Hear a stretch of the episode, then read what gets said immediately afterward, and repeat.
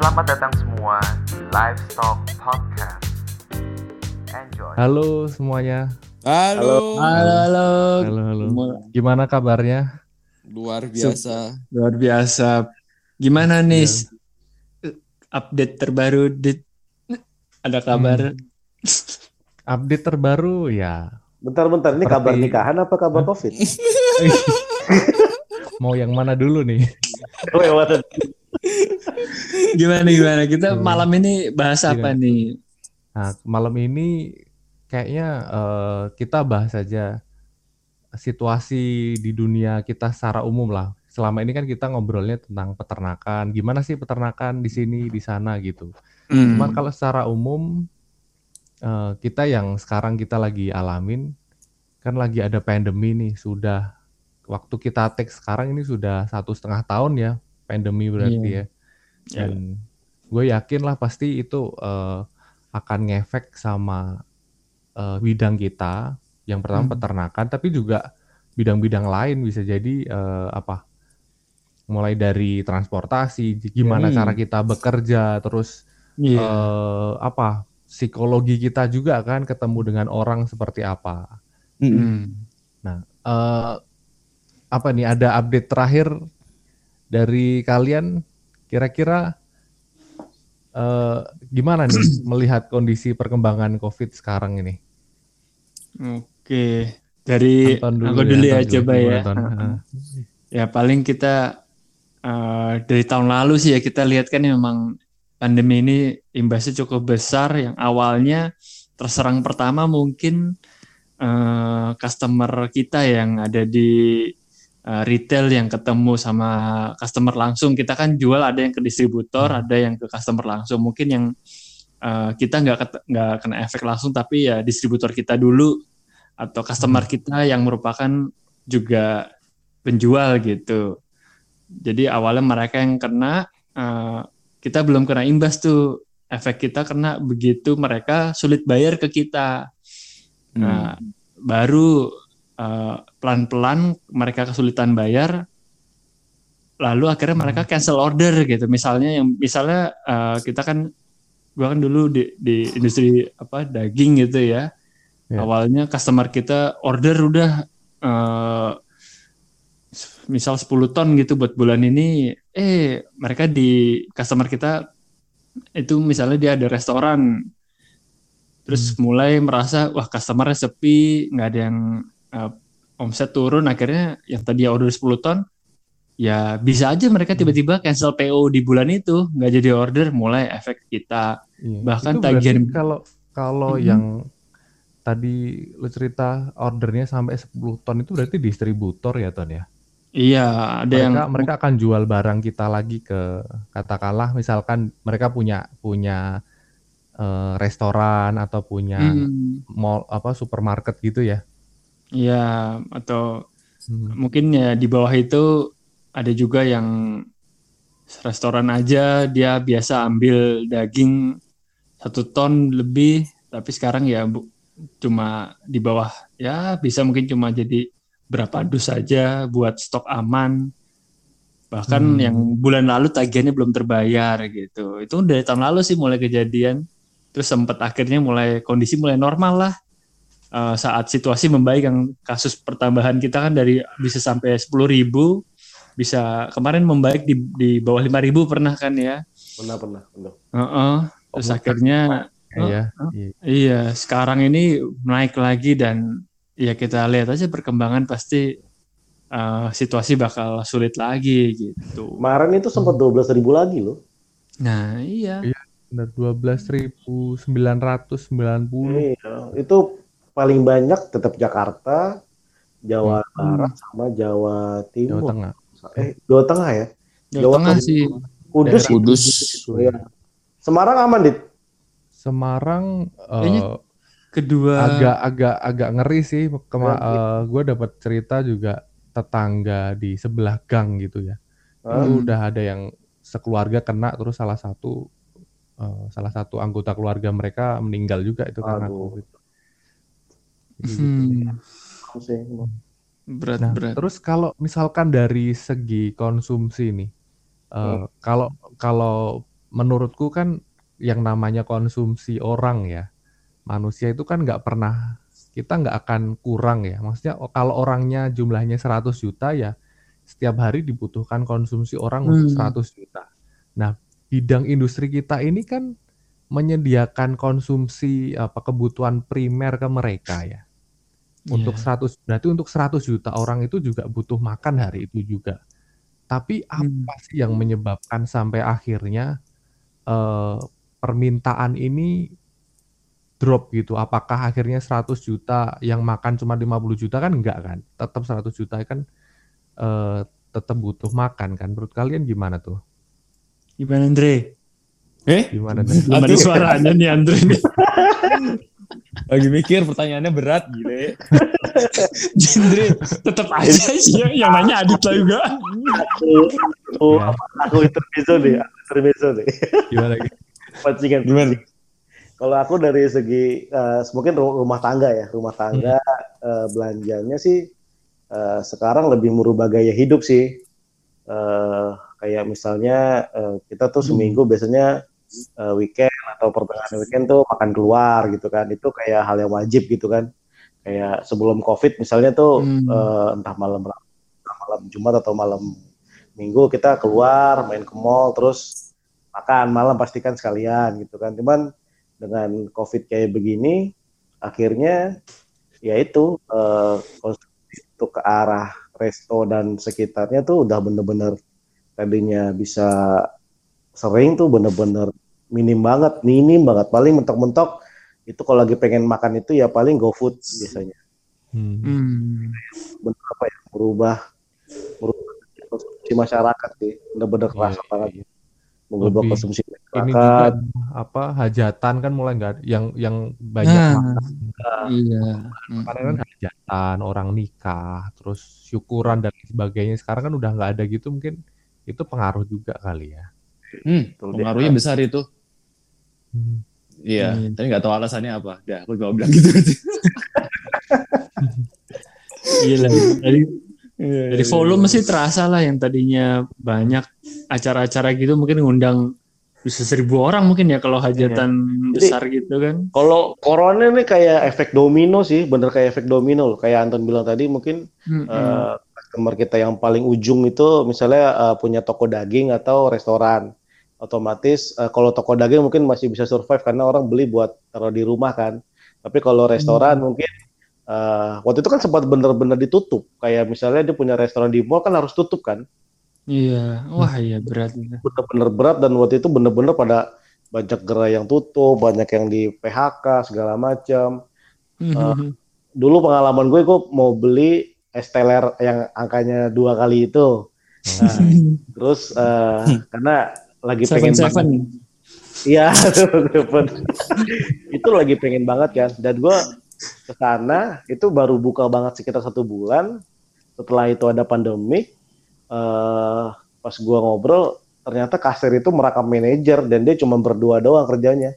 Jadi eh, Hmm. staffnya satu sama manajer merangkap kasir terus gue tanya gimana pak? Iya pak. Sebenarnya kita baru buka satu bulan lagi pak. Kena kayak begini. Udah udah udah kontrak dua tahun rukonya kan waduh gue bilang ya stres juga ya Hmm, iya. itu sih efeknya benar Di Iya. sisi lain mungkin ini nggak sih ada model eh ya tadi ya analogi saya tadi ngasih analogi 100 orang 100 juta orang butuh makan gitu. Mm. Biasanya disuplai dari apa daging segar, dari ayam segar. Terus sekarang daging segar, ayam segar mulai ke- kehilangan eh, pasarnya, volumenya nih. Tapi kalau kita mau lihat di perusahaan kita Hmm. untuk makanan beku olahan yang langsung ke ke konsumen nih itu justru meningkat ya. Mm. Eh, artinya adalah bahwa mungkin di beberapa produk ini eh, apa daya serapnya berkurang, tapi Iya. konsumen karena mereka butuh makan, mereka tetap ambil makanan dalam bentuk lain yang itu sesuai dengan eh, kebutuhan mereka gitu. Iya, Iya. betul. Heeh. Di Nah, itu susu juga juga kelihatan gitu, Dit. Jadi yang yang di food service susu-susu itu wah pasti banyak turun drastis kan. Banyak yang Hmm. tutup. Eh, coffee shop coffee shop tutup. Jadi yang food service hampir drastis kehilangan market, kehilangan konsumsi, tapi yang susu UHT satu liter itu naik luar biasa, bisa dua kalinya. Jadi membuktikan Iya. bahwa gaya konsumsinya ini berubah. Iya, itu gara-gara dalgona covid ton. Nah, Kita harus berterima kasih kepada Raisa. nah, semua orang bikin itu. Semua orang bikin itu, termasuk bini gue juga. Nah, iya. Mana beli kopi salah beli kopi lagi. ya ampun. Iya betul Dit. Nah, Memang perubahan pola konsumsi berarti ya geser. Mungkin tapi ada juga nggak yang biasa makan ayam jadinya tahu tempe terus gitu juga ada kan? Hmm, itu Ah. saya sih. karena karena karena gini, karena aku mewakili rakyat-rakyat lain yang seperti saya. Jadi makan daging tuh kalau pas acara ikut acara orang ada syukur. Karena eh, ngebujang di Jakarta, gak dewasa. iya. Jadi kalau ada acara doang aja makan enak. Tapi kalau nggak ada eh, dengan kondisi yang kayak gini nggak menentu ya kita harus sedia payung sebelum hujan ya. Kalau bisa seirit-iritnya ya. Mak- Makanya Hmm. cari yang bisa dicapai dulu lah. Ya tahu tempe dulu lah gitu. Mungkin ya. Mungkin kayak gitu. Terus kalau untuk misalkan apa eh, Andre nih di di Waduh. industri apa produksi sendiri gimana Andre di Oh ya, di Gimana? Ready Fit. di fit gitu. eh aku nggak tahu ya jujur ya kalau untuk yang pembelian fitnya aku nggak tahu nggak tahu iya karena karena bukan di situ apa eh, aku lebih ke riset kan jadi kalau di riset sih tetap jalan sih untungnya Bener, tempat kita masih tetap jalan untuk research dan supplier su- maksudnya eh, prinsipal-prinsipal itu juga masih masih Hmm. trial juga mereka. Jadi mereka eh, masih apa eh, walaupun mereka efisiensi tapi efisiensi di dunia teknologinya mereka tidak tidak tidak begitu signifikan ya. Karena masih masih Hmm. kelihatan mereka progresnya masih terus terus trial di tempat kita. Itu sih. Ada ada riset ayam anti corona gitu nggak sih? saat ini kok belum ya Eh, iya, ayam itu anti corona kok. Yang penting yang makan tuh seger, happy, makannya banyak. Iya kan kalau dimasak enak kan imunnya bisa bertambah gitu. betul anti corona iya harus makan ayam ya. Apa tuh bocoran dari eh, marketing breeding waktu itu sih DOC sempat anjlok sih. Penjualan Hmm. DOC sempat turun jauh. Terus eh, harga juga sempat jatuh waktu itu. Eh, akhirnya kan banyak kayak apa ya? eh, waktu itu kan Livebird sempat turun harganya kacau kan waktu itu. Sempat Hmm. sempat di bawah sampai sempat satu digit doang waktu itu sempat di angka 9.000 apa apa 7.000 gue lupa per kilonya itu bener-bener kacau banget sih dan eh, banyak perusahaan-perusahaan yang sejenis kita itu akhirnya motong buat disimpan di cold storage sendiri Hmm, main supply Iya, demand mulai dimainkan ya. iya pasti dimainkan mungkin mulai mulai dari mana eh, bulan-bulan pandemik itu yang awal-awal 2020 itu udah mereka malah cari cold storage di mana-mana buat nyimpen Hmm. karena Hmm. posisi lagi murah ya mendingan potong sendiri simpen kan gitu. jadi kalau perusahaan-perusahaan besar kayak eh, apa eh, singa biru itu punya cold storage itu gede banget gede banget dia jadi dia tuh dia tuh dengan leluasa bisa ya kalau harga lagi down ya gue masukin ke cold storage gue dulu deh kayak begitu Hmm. Makanya- Hmm. punya cadangan cold storage besar tuh ya emang investasi itu ya besar sih. cold storage itu mahal banget investasinya kan Iya, itu BTW eh, ini marketnya Singa Biru muncul dua gerai itu di perumahan gua. wow ekspansinya Hmm. luar biasa tempat gue Hmm. lima Buset. Prima Fresh tiga Iya, Yamiku Yamiku kan pokwan juga Hmm. Kita udah, udah ngomong Singa Biru, Singa Biru. Orange deh kayak itu. Iya kita, kita apa nih? Apa orange? Telur. Or- orang orange orang happy orange. happy happy meal Ha- ha- happy man Happy man. Kita itu the Jackmania.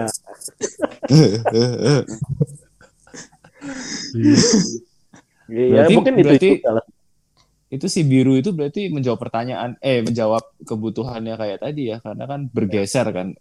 Volumenya itu sebenarnya tetap Hmm. cuma caranya bergeser. Akhirnya mereka menyesuaikan. Ya siapa yang bertahan yang ber- bisa beradaptasi dia yang yang itu ya yang bisa Bertahan, ya sorry iya. kebalik. Bisa yang bisa bertahan ya.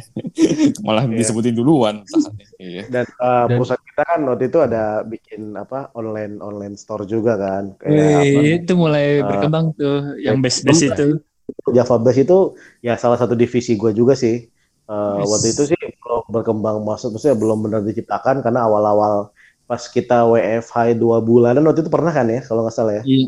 Mm-mm. Dan sampai Lebaran waktu itu kan, gue sempat jadi customer customer salesnya daerah wilayah Jawa Timur sama Jawa Tengah. Jadi Hmm. uh, dalam dua bulan tuh ya sampai 40 jutaan sih omsetnya. Kalau di- gue dari dari dulu sampai sekarang jadi customernya, Din. Iya. Iya, gue kayak dipaksa bukan dipaksa kerja ya. Eh, ini kan beradaptasi ya, lagi eh, WFH semua, terus bisa dibilang karena gue kerja di lapangan juga nggak ada kerjaan, akhirnya kan tim eh, jemput, jemput cari cari cari ini kan volunteer kan dicari semua, Hmm. Latih kilat jadi customer sales itu gimana, balas chat pelanggan itu bagaimana, akhirnya apa pun background lo, mau keuangan, mau apa, mau apa, peternakan ya tetap jadi customer sales gitu aja. Jadi langsung di Hmm. situ gitu. Oh, Oke juga sih ilmu baru kan. jawab chatnya kan tinggal ready kakak, silakan ready Iya. kakak. Itu template banget ya kalau gue copy dikasih, paste dikasih HP satu, nah ada nomor WhatsApp bisnis. Jadi kalau misalnya balas eh, chat itu udah ada misalnya garis miring eh, halo misalnya kan. Nanti dia langsung, Oh. itu, langsung ke ketik sendiri semuanya itu kayak ada eh, kayak ada apa ya? eh, lesnya gitu loh WhatsApp bisnis itu. Seru juga sih. oh keren baru tahu aku Iya, gitu. Jadi eh, ada katalognya, kita bisa lihat update katalog, eh, ganti katalog, fotonya segala macam, seru sih. Itu gua kayak belajar itu, oh ternyata mungkin yang dimaksud online shop online shop tuh kayak gini juga kali ya. Iya. iya iya setuju wah menarik Jadi semua, lucu semua berarti bukan eh kalau kalau bisa bilang COVID memang lah kita banyak lihat negatifnya ya. Negatifnya kan ya banyak orang yang sakit sampai meninggal. Tapi kalau boleh secara fair juga diomongin bahwa eh, COVID ini juga sebenarnya me- mengubah dunia industri bukan cuman bukan cuman industri kita aja tapi semua industri kan dari tadi yang Hmm. misalkan eh, alur alur apa distribusi, Distribusi. barangnya Ya, biasanya lewat ke channel distribusi distributor satu dua baru ke customer panjang Iya. kan tapi sekarang justru gimana caranya biar kita perusahaan bisa motong ini jalur bisa langsung ke retail dengan Ke Dengan end apa, consumer ya. ke end consumer dengan online tadi tuh iya Iya. bener. Mm-mm. Yang banyak mati sih maklar-maklar sih. Waduh, Hmm. iya. Iya. ya terus Banyak kalau itu ya paketan ya. Kurir, Gimana? kurir, rame kurir. Wih, iya itu Wih, jadi iya. banyak banget sekarang Bi. bisnis bisnis banyak keluar berbagai warna perusahaan-perusahaan ekspedisi perusahaan jer- jersey-nya macam-macam sekarang iya itu karena pandemik salah satu udah jadi unicorn katanya baru buka berapa tahun udah jadi unicorn JNT ya? Itu. Eh, iya bukan. ya?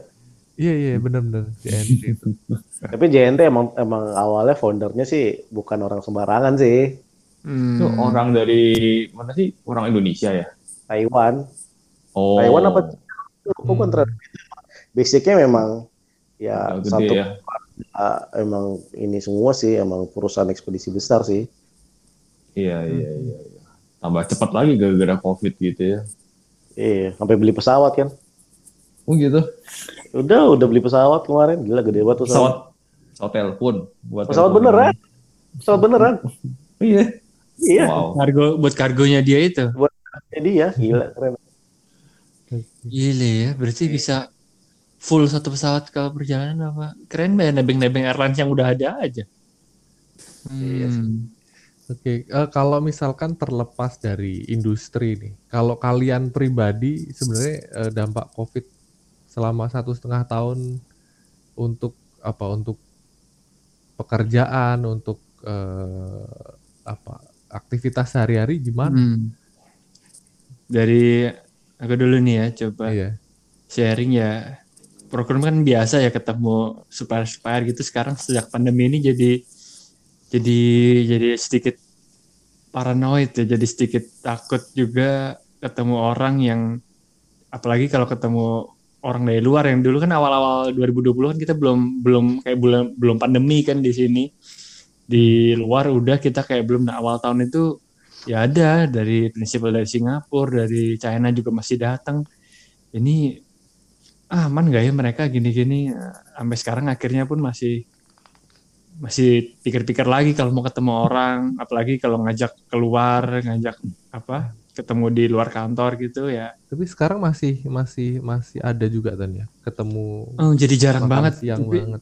tapi masih ada tapi jadi hampir hampir ya da- tadinya mungkin sebulan bisa katakan bisa 10 kali mungkin sekarang jadi cuma satu dua kali gitu Mhm.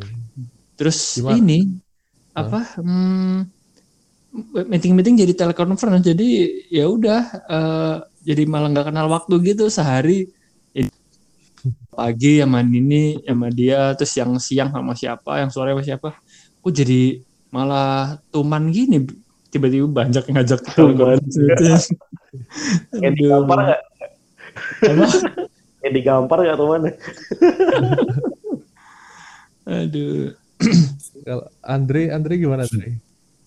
Kalau aku eh, apa ya? Kalau menurutku ya, kalau dicari tek- eh, yang menekan-menekan hal-hal menekan gara-gara COVID pasti ada ya. Cuman Hmm. yang yang menurutku yang eh, bersyukur kita masih bisa bertahan masih di COVID ini itu kita bisa kayak ya kata Anton tadi kan apa namanya meeting kayak gitu ya. Kalau kalau aku kan disuruh suruh ikutnya seminar-seminar. Nah seminar itu sampai kan jamnya kan satu kan. Mereka Hmm. mereka kalau ngadain seminar tapi di belahan bumi yang lain gitu kan di sana pagi Hmm. di sini malam gitu. Kalau misalnya dulu kan kalau seminar datang dikumpulin satu tempat gitu kita belajar bareng gitu kan. Jadi ya kita udah udah bukan isu lagi waktu karena bareng-bareng. Tapi kalau sekarang itu bisa malam seminarnya. Terus habis itu tapi lebih asik karena lebih banyak jadi kita bisa tiduran sambil dengerin kan. Terus Hmm. jadi lebih banyak eh, denger hal-hal yang eh, produktif jadinya gitu kalau dari aku sih eh, aku sih senang-senang aja ya kalau ini apalagi kalau WFH ya menurutku kalau dari segi kese- kesehatan itu lebih penting kalau kita lebih WFH karena eh, leb- mengurangi kro- ketemu orang kayak gitu kan terus di ya mendukung sih kalau aku WFH Tapi kalau Gitu. perusahaan apa eh, research gitu apa nggak ganggu mobilitas nih? Kayak research kan mungkin harus ngecek ke mana hasil lab segala macam gitu. Apa Iya. semua udah ada sistemnya? Sudah ada sistemnya sih Din jadi udah ada uh, pe- people in charge-nya ya jadi kita Oke. tinggal tinggal Dapat hubungin data itu orang-orang aja. Tinggal dapat data, Iya. kita olah sendiri, kita tentukan resumenya gitu aja berarti ya. iya iya tinggal kirim-kiriman email gitu cuman kalau op- operationnya ya tetap mereka di di tempat-tempat mereka masing-masing cuman sekarang kan kita nggak bisa kalau dulu kita masih bisa datang ke pabrik masih bisa lihat masih bisa kalau sekarang udah udah kamu kerja di mana di situ aja kan nggak boleh nggak boleh nggak boleh datang-datang lagi gitu. Berarti trusting point-nya harus bener-bener terjaga ya. Iya, iya. Nah, kalau bener juga nih kata Udin nih, trusting point-nya harus dijaga. Lihatnya dari mana ngontrolnya kita ya dari sistemnya. Kalau sistemnya ada yang aneh, katakan kayak harusnya ini udah udah udah selesai nih, tapi kok belum selesai. Wah, berarti dia lagi diulangin nih. Waktu terus kita mulai tanya, eh gimana ini kok nggak selesai? Nah, kita ngontrolnya dari sistemnya itu. Gitu. Jadi lebih lebih apa ya? ya Jadi harus lebih percaya sama orang, tapi kita harus lebih kreatif lagi dalam nentuin sistemnya. Mhm. Kalau Din gimana Din? Gue yang pasti bosan ya di rumah terus ya. Iya. karena kan ketemu istri mulu kan. Ini curhat sih dia. dia. Gimana gua Din? Dulu Lu waktu gimana? sekantor Gimana gue di tuh? Anton tuh kalau gimana gue berarti curhat dia tuh. enggak lah disyukuri Din Oh, bisa ketemu disyukuri. terus banyak banyak yang Oh. apa long distance kayak Andre gitu. eh, eh si Anton langsung dirubah, langsung di apa disyukuri dia takut si Helena denger. Ditanya aja nih, sekarang kamu di BSD jadi senang apa enggak nih? Karena nggak Iya, ayo. ayo. Eh, plus minus sih ada masa Eh, masa Gila. Diplomatis banget jawabannya. Iya. ya inilah apa eh, yang ada sekarang Iya, benar-benar. ya Ya plusnya mungkin Anak- lebih cepat pulang dekat sama anak ya kan. Iya, itu penting tuh. iya betul banget Jadi apa, Din? Oh iya, mesti gue. ya karena sudah beranak satu, jadi bener-bener tadinya kan ngantor, nggak tahu anak kerjanya apa segala macam. Akhirnya oh iya bener, ya. bener banget bener. akhirnya sih ya tahu anak itu ternyata habis mandi kerjaannya ini. Terus kadang-kadang sebagai bapak, kok gini sih? Kan kita komplain ke istri ya, ke ibunya gitu kan. Kamu tuh nggak tahu apa-apa, udah kamu ikutin aturanku aja lah. Ini ceritanya? itu sering kejadian. Jadi hal-hal sepele akhirnya ya emang tetap sih ibu itu tetap yang paling tahu cara apa ya, cara membesarkan Atasi. anak ya. Bapak itu bisa komplain, habis komplain juga nggak dijalanin gitu. Itu emang kenyataan banget sih. Karena gue juga ngalamin gitu kan. Misalnya kayak apa? eh misalnya kita lagi pulang kantor nih, terus lihat istri kita main HP aja, nggak ngurusin anak. Nah, tapi kalau pas kita lagi WFA, kita main HP aja nggak ngurusin anak, gantian kita yang diserang. iya, karena emang ternyata seharian itu saat memang suami udah pulang kantor, gantian ibu istirahat gitu kan. Akhirnya gue jadi akhirnya lebih tahu anak gue sifatnya gimana, aslinya gimana. Akhirnya lebih bonding aja sama anak. Lebih Mhm. bonding. Terus kalau soal kerjaan, eh syukur sih kan gue nggak pegang operasional ya. Jadi eh semua tuh masih dalam eh, ya ada proyek yang sudah jalan dan kebetulan karena covid juga bukan karena covid sih lebih tepatnya karena perusahaan indukannya tutup eh, yang di Banyuwangi akhirnya kan ngerembes semua sampai ke eh, perusahaan yang di Bandung gitu kan. Akhirnya ya itu proses penutupan. Akhirnya udah kita nggak usah kita akan jarang ke Bandung dan itu pas lagi pandemik juga akhirnya bersyukur juga. Berarti ya nggak usah sering-sering ke sana gitu. Dulu sih sering banget ke sana terus ya project-project lain sih masih on control aja sih. On control maksudnya cuman cek-cek aja gitu. Memang kalau saat perlu ke sana ya benar-benar ekstra ini ekstra apa ya ekstra perlindungan banget. Jadi bawa apa bawa masker banyak terus bawa kadang Iya. bawa baju ganti. Jadi karena gua pakai mobil dinas kantor kan yang apa ada ada supirnya juga. Jadi kadang-kadang kalau gue dari luar ya gue sebelum masuk mobil gue semprot-semprot dulu semua bahkan sampai gue ganti baju dulu terus baju gue gue semua baru gue masuk. Karena kan gue pakai mobil mobil yang diganti orang dengan yang lain kan. Oh, takut iya. virus ke situ juga. Ya gitu lebih banyak. Supirnya kamu semprot juga?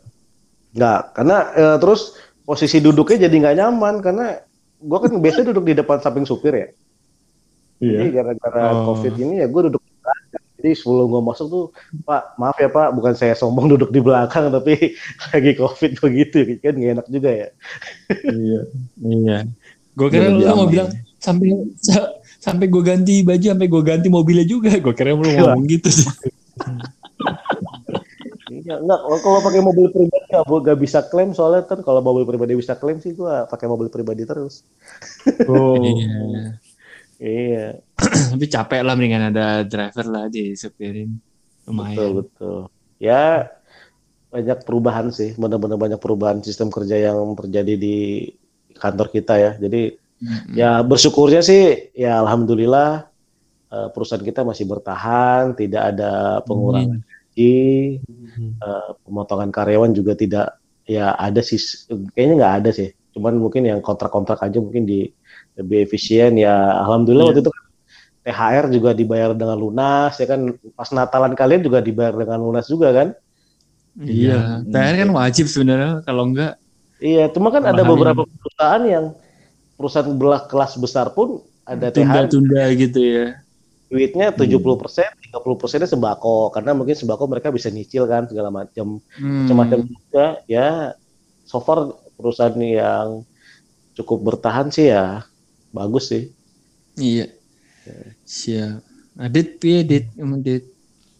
Oh, Ganti ya. kalau kalau aku karena kan ngekos ya, jadi dan kebetulan kos kan deket ya ke ke kantor. Hmm. Memang waktu jadwal WFH eh, agak ini juga sih. Kadang kalau bosen di kos gitu, emang kalau di kos karena kos cuman satu kotak gitu ya, satu peta. jadi Kamar gitu ya. Hmm.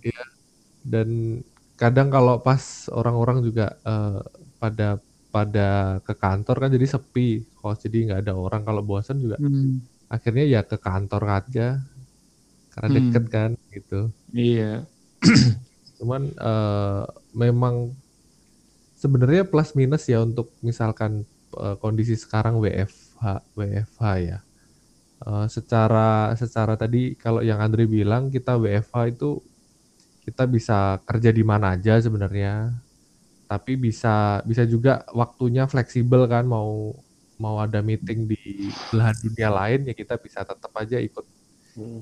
Cuma kalau eh, kekurangannya WFH menurutku adalah eh, kadang kita bekerja ke kantor itu bukan cuman untuk bekerja aja tapi kita bisa bersosialisasi juga sama Ya, iya. teman-teman gitu loh. Hmm. Itu yang Iya. agak Yang hilang gitu ya. hilang benar. Jadi makanya kadang kalau eh, WFH full pun juga kayaknya nggak sehat juga untuk entah nggak tahu apakah mental health kita karena akan karena Eh, manusia karena sifat manusia kita ya yang apa sih hmm, manusia bersosialisasi. sosial iya itu kebutuhan Apalagi- juga ya. yang suami istri ya Tan kita Iya, mungkin mungkin Adit itu Dit, kamu harus nikah dulu apa sama istri dulu baru kerasa. Iya ya, enak WFH ternyata. pengantin baru sih pengen banget WFH terus sih ya Ton ya cuma kalau ada anak satu udah Aduh. Terus jadi ini gak sih jadi kalau WFH tuh batas jam kerja sama jam kita hidup di luar pekerjaan tuh jadi abu-abu gak sih? Kok kayak terus-terusan gini ya? Kadang ya kalau kantor ke WFO gitu jelas begitu sampai rumah ya udah kita uh, nggak ada yang hubungin lagi uh, uh, hidup uh, menjadi Iya. Iya, iya sih itu jadi gitu. Kalau WFH kayaknya kerja jadi panjang banget jadi meeting-meeting. jadi jadi lebih panjang dan ya kadang kalau kalau misalkan di kantor kan ada pertimbangan wah udah kalau jam segini nggak pulang macet nih jadi pada pulang duluan Oh, sekarang kan tenggo tenggo ya udah Hmm. ini lanjut lanjut aja meetingnya Hmm. Hmm. cuman Iya. nggak tahu ya aku belum pernah baca atau atau mungkin kalian kalau udah pernah baca bisa share terkait eh, pola kerja WFH nih tapi menarik juga itu misalkan akhirnya eh, kan ada teori kalau manusia itu kan bekerja maksimal seminggu itu harusnya cuman berapa jam nah ini dengan WFH ya walaupun di rumah tapi kerjanya sampai mau efeknya kayak gimana sih ke ke orang gitu dan Iya. ditambah tadi misalkan nggak ada sosialisasi dengan lingkungan itu kira-kira bagus nggak sih sebenarnya produktif jadi jadi produktif atau justru malah Oh iya. kontraproduktif Oh, kita banyak bilang sibuk, tapi sebenarnya sibuknya itu tuh produktif apa enggak harus dilihat dit ya. Kadang sibuk dong tapi nggak ada output apa-apa ya buat apa gitu. Hmm, tergantung sih tergantung iklim ya kalau rumahnya. Mungkin kalau kondisi kalau kondisi orang sudah mungkin anak-anaknya udah gede terus juga udah kehidupan. Maksudnya anak-anaknya juga sekolah online sekarang kan. Ya mungkin eh, lebih produktifnya mungkin ya lebih lebih akrab sesama keluarga sih mungkin kalau gue bilang Hmm. Anak, positif. Din, anak udah udah sekolah belum? Eh, baru bulan depan sekolah. Karena kemarin gue mau masukin sekolah eh, bener-bener masih full online kan. Karena gue pikir online pasti nggak konsen anak gue. Iya nanti malah buka laptop dia buka YouTube. Kalau anak lu kan udah udah masuk? Eh, semester ini udah Januari kemarin mulai, tapi ya online Hmm, jadi Online yang ya? capek orang tuanya. Nah, ya itu gua gua gua menghindari itu. Dia nggak mau capek Sweden. Aku pernah ya eh, telinga kanan sambil meeting, telinga kiri bantuin anak sekolah. Terus lupa pas lagi meeting lupa nge-mute lagi. Aduh, udah kira meeting ya cuma abs, cuma biar muncul aja gitu. Kalau dipanggil nyaut, ya gitulah. Jadi terus belum tiap minggu kan dapat weekly plan tuh apa yang harus disiapkan. Jadi Iya. uh, cari sabun buat bubble, cari pensil warna, cari. Wah jadi ternyata, ternyata gini ya punya anak lagi sekolah ya. Jadi banyak PR. Beli apa, beli apa buat tugas sekolah. Bikin prakarya dari barang bekas gitu-gitu ya. Oh, oh. Terus Yang tugasnya juga iya yang jadi kita yang ini ya, waduh dikerjain ini sama sekolah. Udah bayar dikerjain. Iya. Berarti PAUD ya Ton ya? PAUD kan ya? Ya, eh, eh, bes besok Juli ini baru masuk yang iya PAUD kan secara umum itu pendidikan anak usia dini kan Iya, ya. iya. Playgroupnya Toddler. sih mulai besok Juli ini ya. Sebelumnya di bawah di bawah playgroup Oh, kayak iya, iya, ya nursery class lah kayak iya, iya. kelompok bermain orang se- seminggu cuma dua hari kok cuma se- Selasa sama Rabu. Iya sama anakku juga bulan depan sih cuman ini gue minta tatap muka kan tatap muka akhirnya di rumah yang punya yayasan udah gitu ternyata tetangga gue ya udahlah bersyukur banget lah udah bulan depan sekolah di sini aja Hmm. Hmm. Ya. Iya, iya. Eh ini sama ini Dit mau us apa ya sharing juga Hmm. tentang COVID sih. Kalau menurutmu atau menurut yang lain yang membuat penularan COVID ini sebenarnya utamanya apa sih? Kayaknya eh, setelah kita lihat dari beberapa update sekarang-sekarang ini Yup. dari sekian banyak kasus penularan tuh mungkin pencegahan yang kita lakukan itu keliru atau gimana atau salah sasaran. Jadi pengen tahu kalau menurut kalian penyebab penularan utamanya itu karena apa sih? Hmm. Boleh Ini- sharing? Tiga-tiganya bisa beda sudut pandang sih kalau gue bilang Iya. kalau Adit kan dari segi eh, perantauan yang rantauan yang tinggal sendiri kan kalau Andre ya udah lama di Jakarta yang di eh, apartemen terus kalau gue kan keluarga ya mungkin Iya. sama beda juga jadi beda-beda sih kayaknya nih pandangannya tapi bagus sih malah Coba-coba biar Heeh. kita kembali ke topik lagi tentang COVID lagi sebentar. Nanti balik lagi ke anak kok, tenang. Ya kalau Biar biar Dit. Oh. Mm-mm. ini sih sebenarnya memang kalau virusnya sendiri yang yang ini kita sudah baca banyak lah di media virus Hmm. ini kan akan eh, tertularnya menularkannya lewat pertama droplet ya Mm-mm. droplet itu kan akan bertahan di droplet itu sendiri juga berapa jam gitu kan Hmm. Nah, pada intinya ketika kita pegang droplet itu dan terus kita mungkin pegang hidung atau mulut itu virus itu yang masuk gitu. Hmm. Eh sebenarnya Jadi nggak sadarnya aja kita megang apa, nggak cuci tangan. Mm-mm. Nah, yang yang yang dilakukan sama apa himbauan pemerintah atau mungkin termasuk WHO juga kan sebenarnya protokol kesehatan itu tadi ya mencuci tangan, menjaga jarak, memakai masker Iya, iya. Sebenarnya Hmm. itu kalau menurutku ya itu dilakukan itu sudah lebih dari cukup dan itu mesti dilakukan penuh kedisiplinan sih. Nah, masalahnya kita disiplin atau enggak ngelakuin itu. Ya kayak tadi misalkan eh, Iya. masih kumpul makan bareng gitu buka masker ya itu resiko tadi droplet tadi masuk terus misalkan Iya.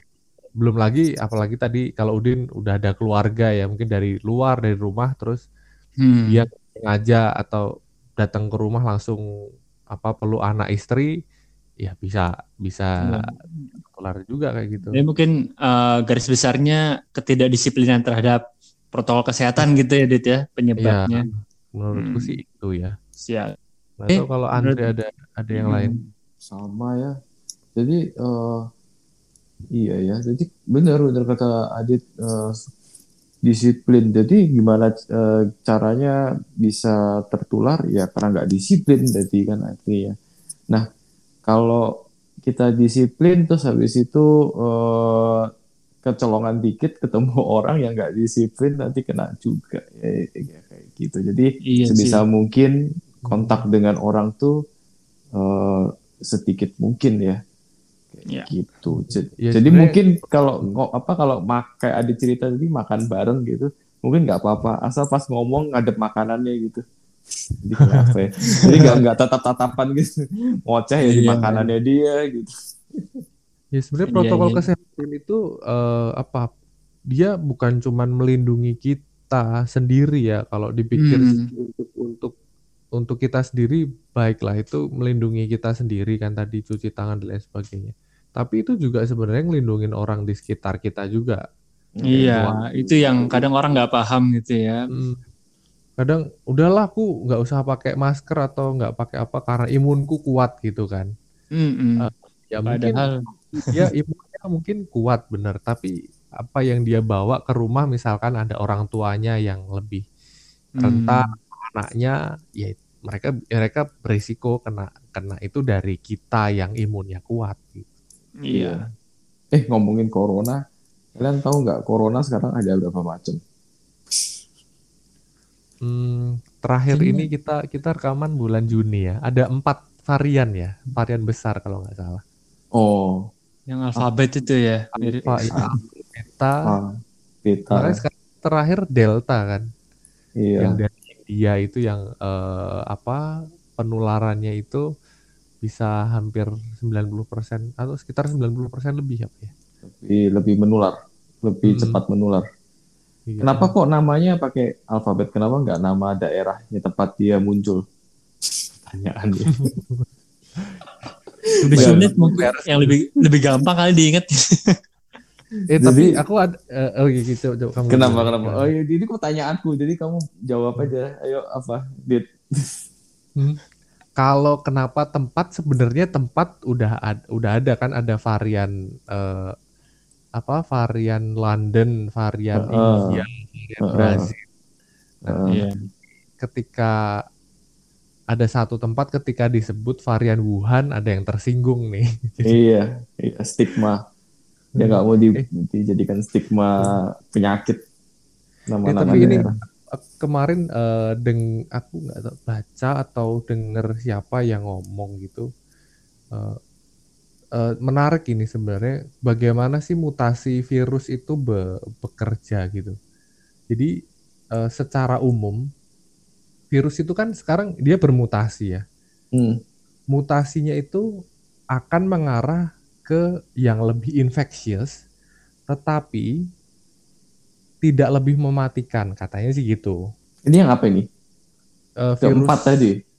virus s- secara umum sih mutasi itu gitu karena virus ini kan berusaha eh, me- mencap meng- mencapai inangnya sebanyak mungkin tetapi si virus ini juga nggak mau inangnya itu cepat mati Hmm. karena kalau inangnya kayak Ebola tuh Ebola kan begitu orangnya kena terus sakit nggak bisa lumpuh nggak bisa ke mana-mana mati akhirnya kan virusnya kan akhirnya nggak bisa berkembang nggak bisa Hmm. berkembang Hmm. Iya.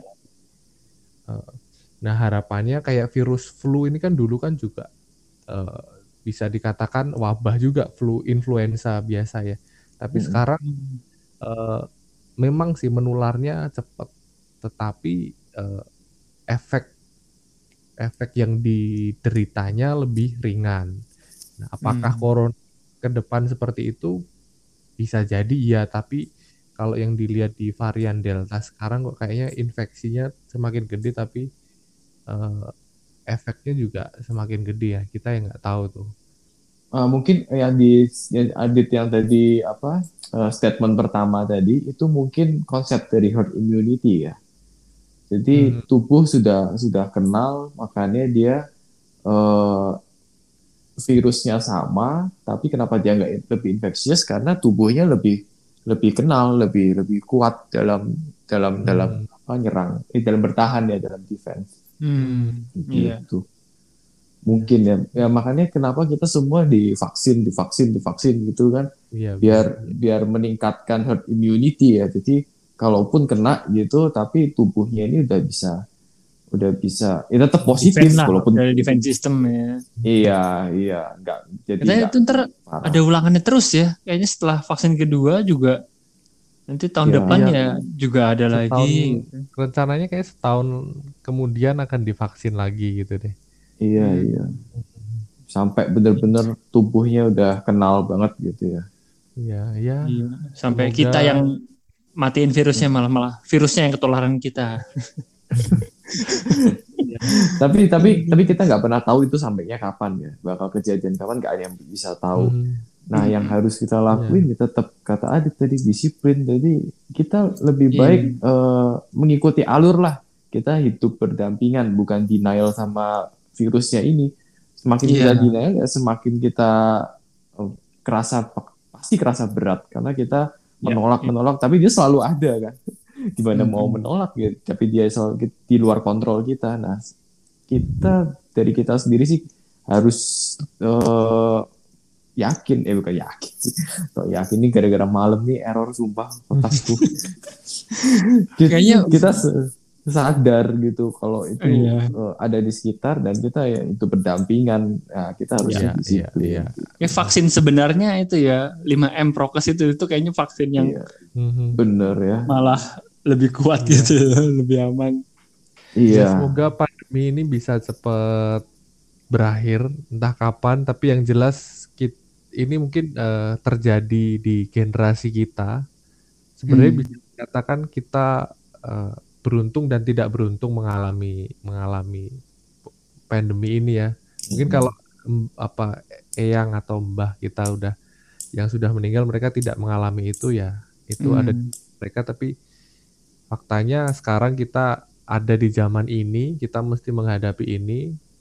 Tapi yang tadi yang kita sepakati juga bahwa eh, pandemi ini banyak negatifnya memang tetapi hal positifnya juga ternyata eh, banyak juga kalau kita mau mau lihat gitu. Setuju? Setuju. Setuju. Terus tambahan juga dit apa tadi yang pertanyaanku tentang sebenarnya salah satu penyebab utama penularan banyak terjadi itu selain kendornya atau ketidakdisiplinannya terhadap prokes itu juga yang sangat disayangkan menjadi penyebab penularan itu adalah kepercayaan. Jadi maksudnya kita mudah percaya atau meremehkan terhadap orang-orang yang kita anggap dia nggak mungkin menularkan. Hmm, ah ini teman iya. sendiri atau ah itu saya tahu dia orangnya bersih, nggak mungkin lah. Terus santai aja ngobrol. Jadi hal-hal kayak gitu yang kita pikir mungkin di kantor ah ini aman lah teman-teman kantor semua Mhm. terus pada buka masker atau nggak pakai face shield. Nah itu terjadi di berulang-ulang di luar mungkin juga ada yang ketemu dan ya akhirnya rasa Akhirnya- percaya itu yang membuat terjadi penularan gitu. Kita udah prokes sudah ketat tapi di tempat yang yang itu aja begitu kita di tempat lain atau ketemu orang lain ya udah Mhm. kendor karena kita percaya sama orang itu. Ya salah satunya sih itu kalau menurutku. harus beranggapan siap orang tuh OTG gitu ya Mungkin Jadi- lebih aman gitu keadaan-keadaan sekarang ya. Ya iya melindungi Siap dia, orang. melindungi kita juga ya, melindungi yang lain juga gitu. Jadi sekarang berprasangka buruk itu malah menyelamatkan ya. Kalau dulu nggak boleh kamu nganggap orang tuh buruk. kayak, kayak di filmnya The Walking Dead gitu loh bahwa semua orang sudah terinfeksi kan Hmm, tinggal iya. ya Jadi kita Ya. lebih an- antisipasi.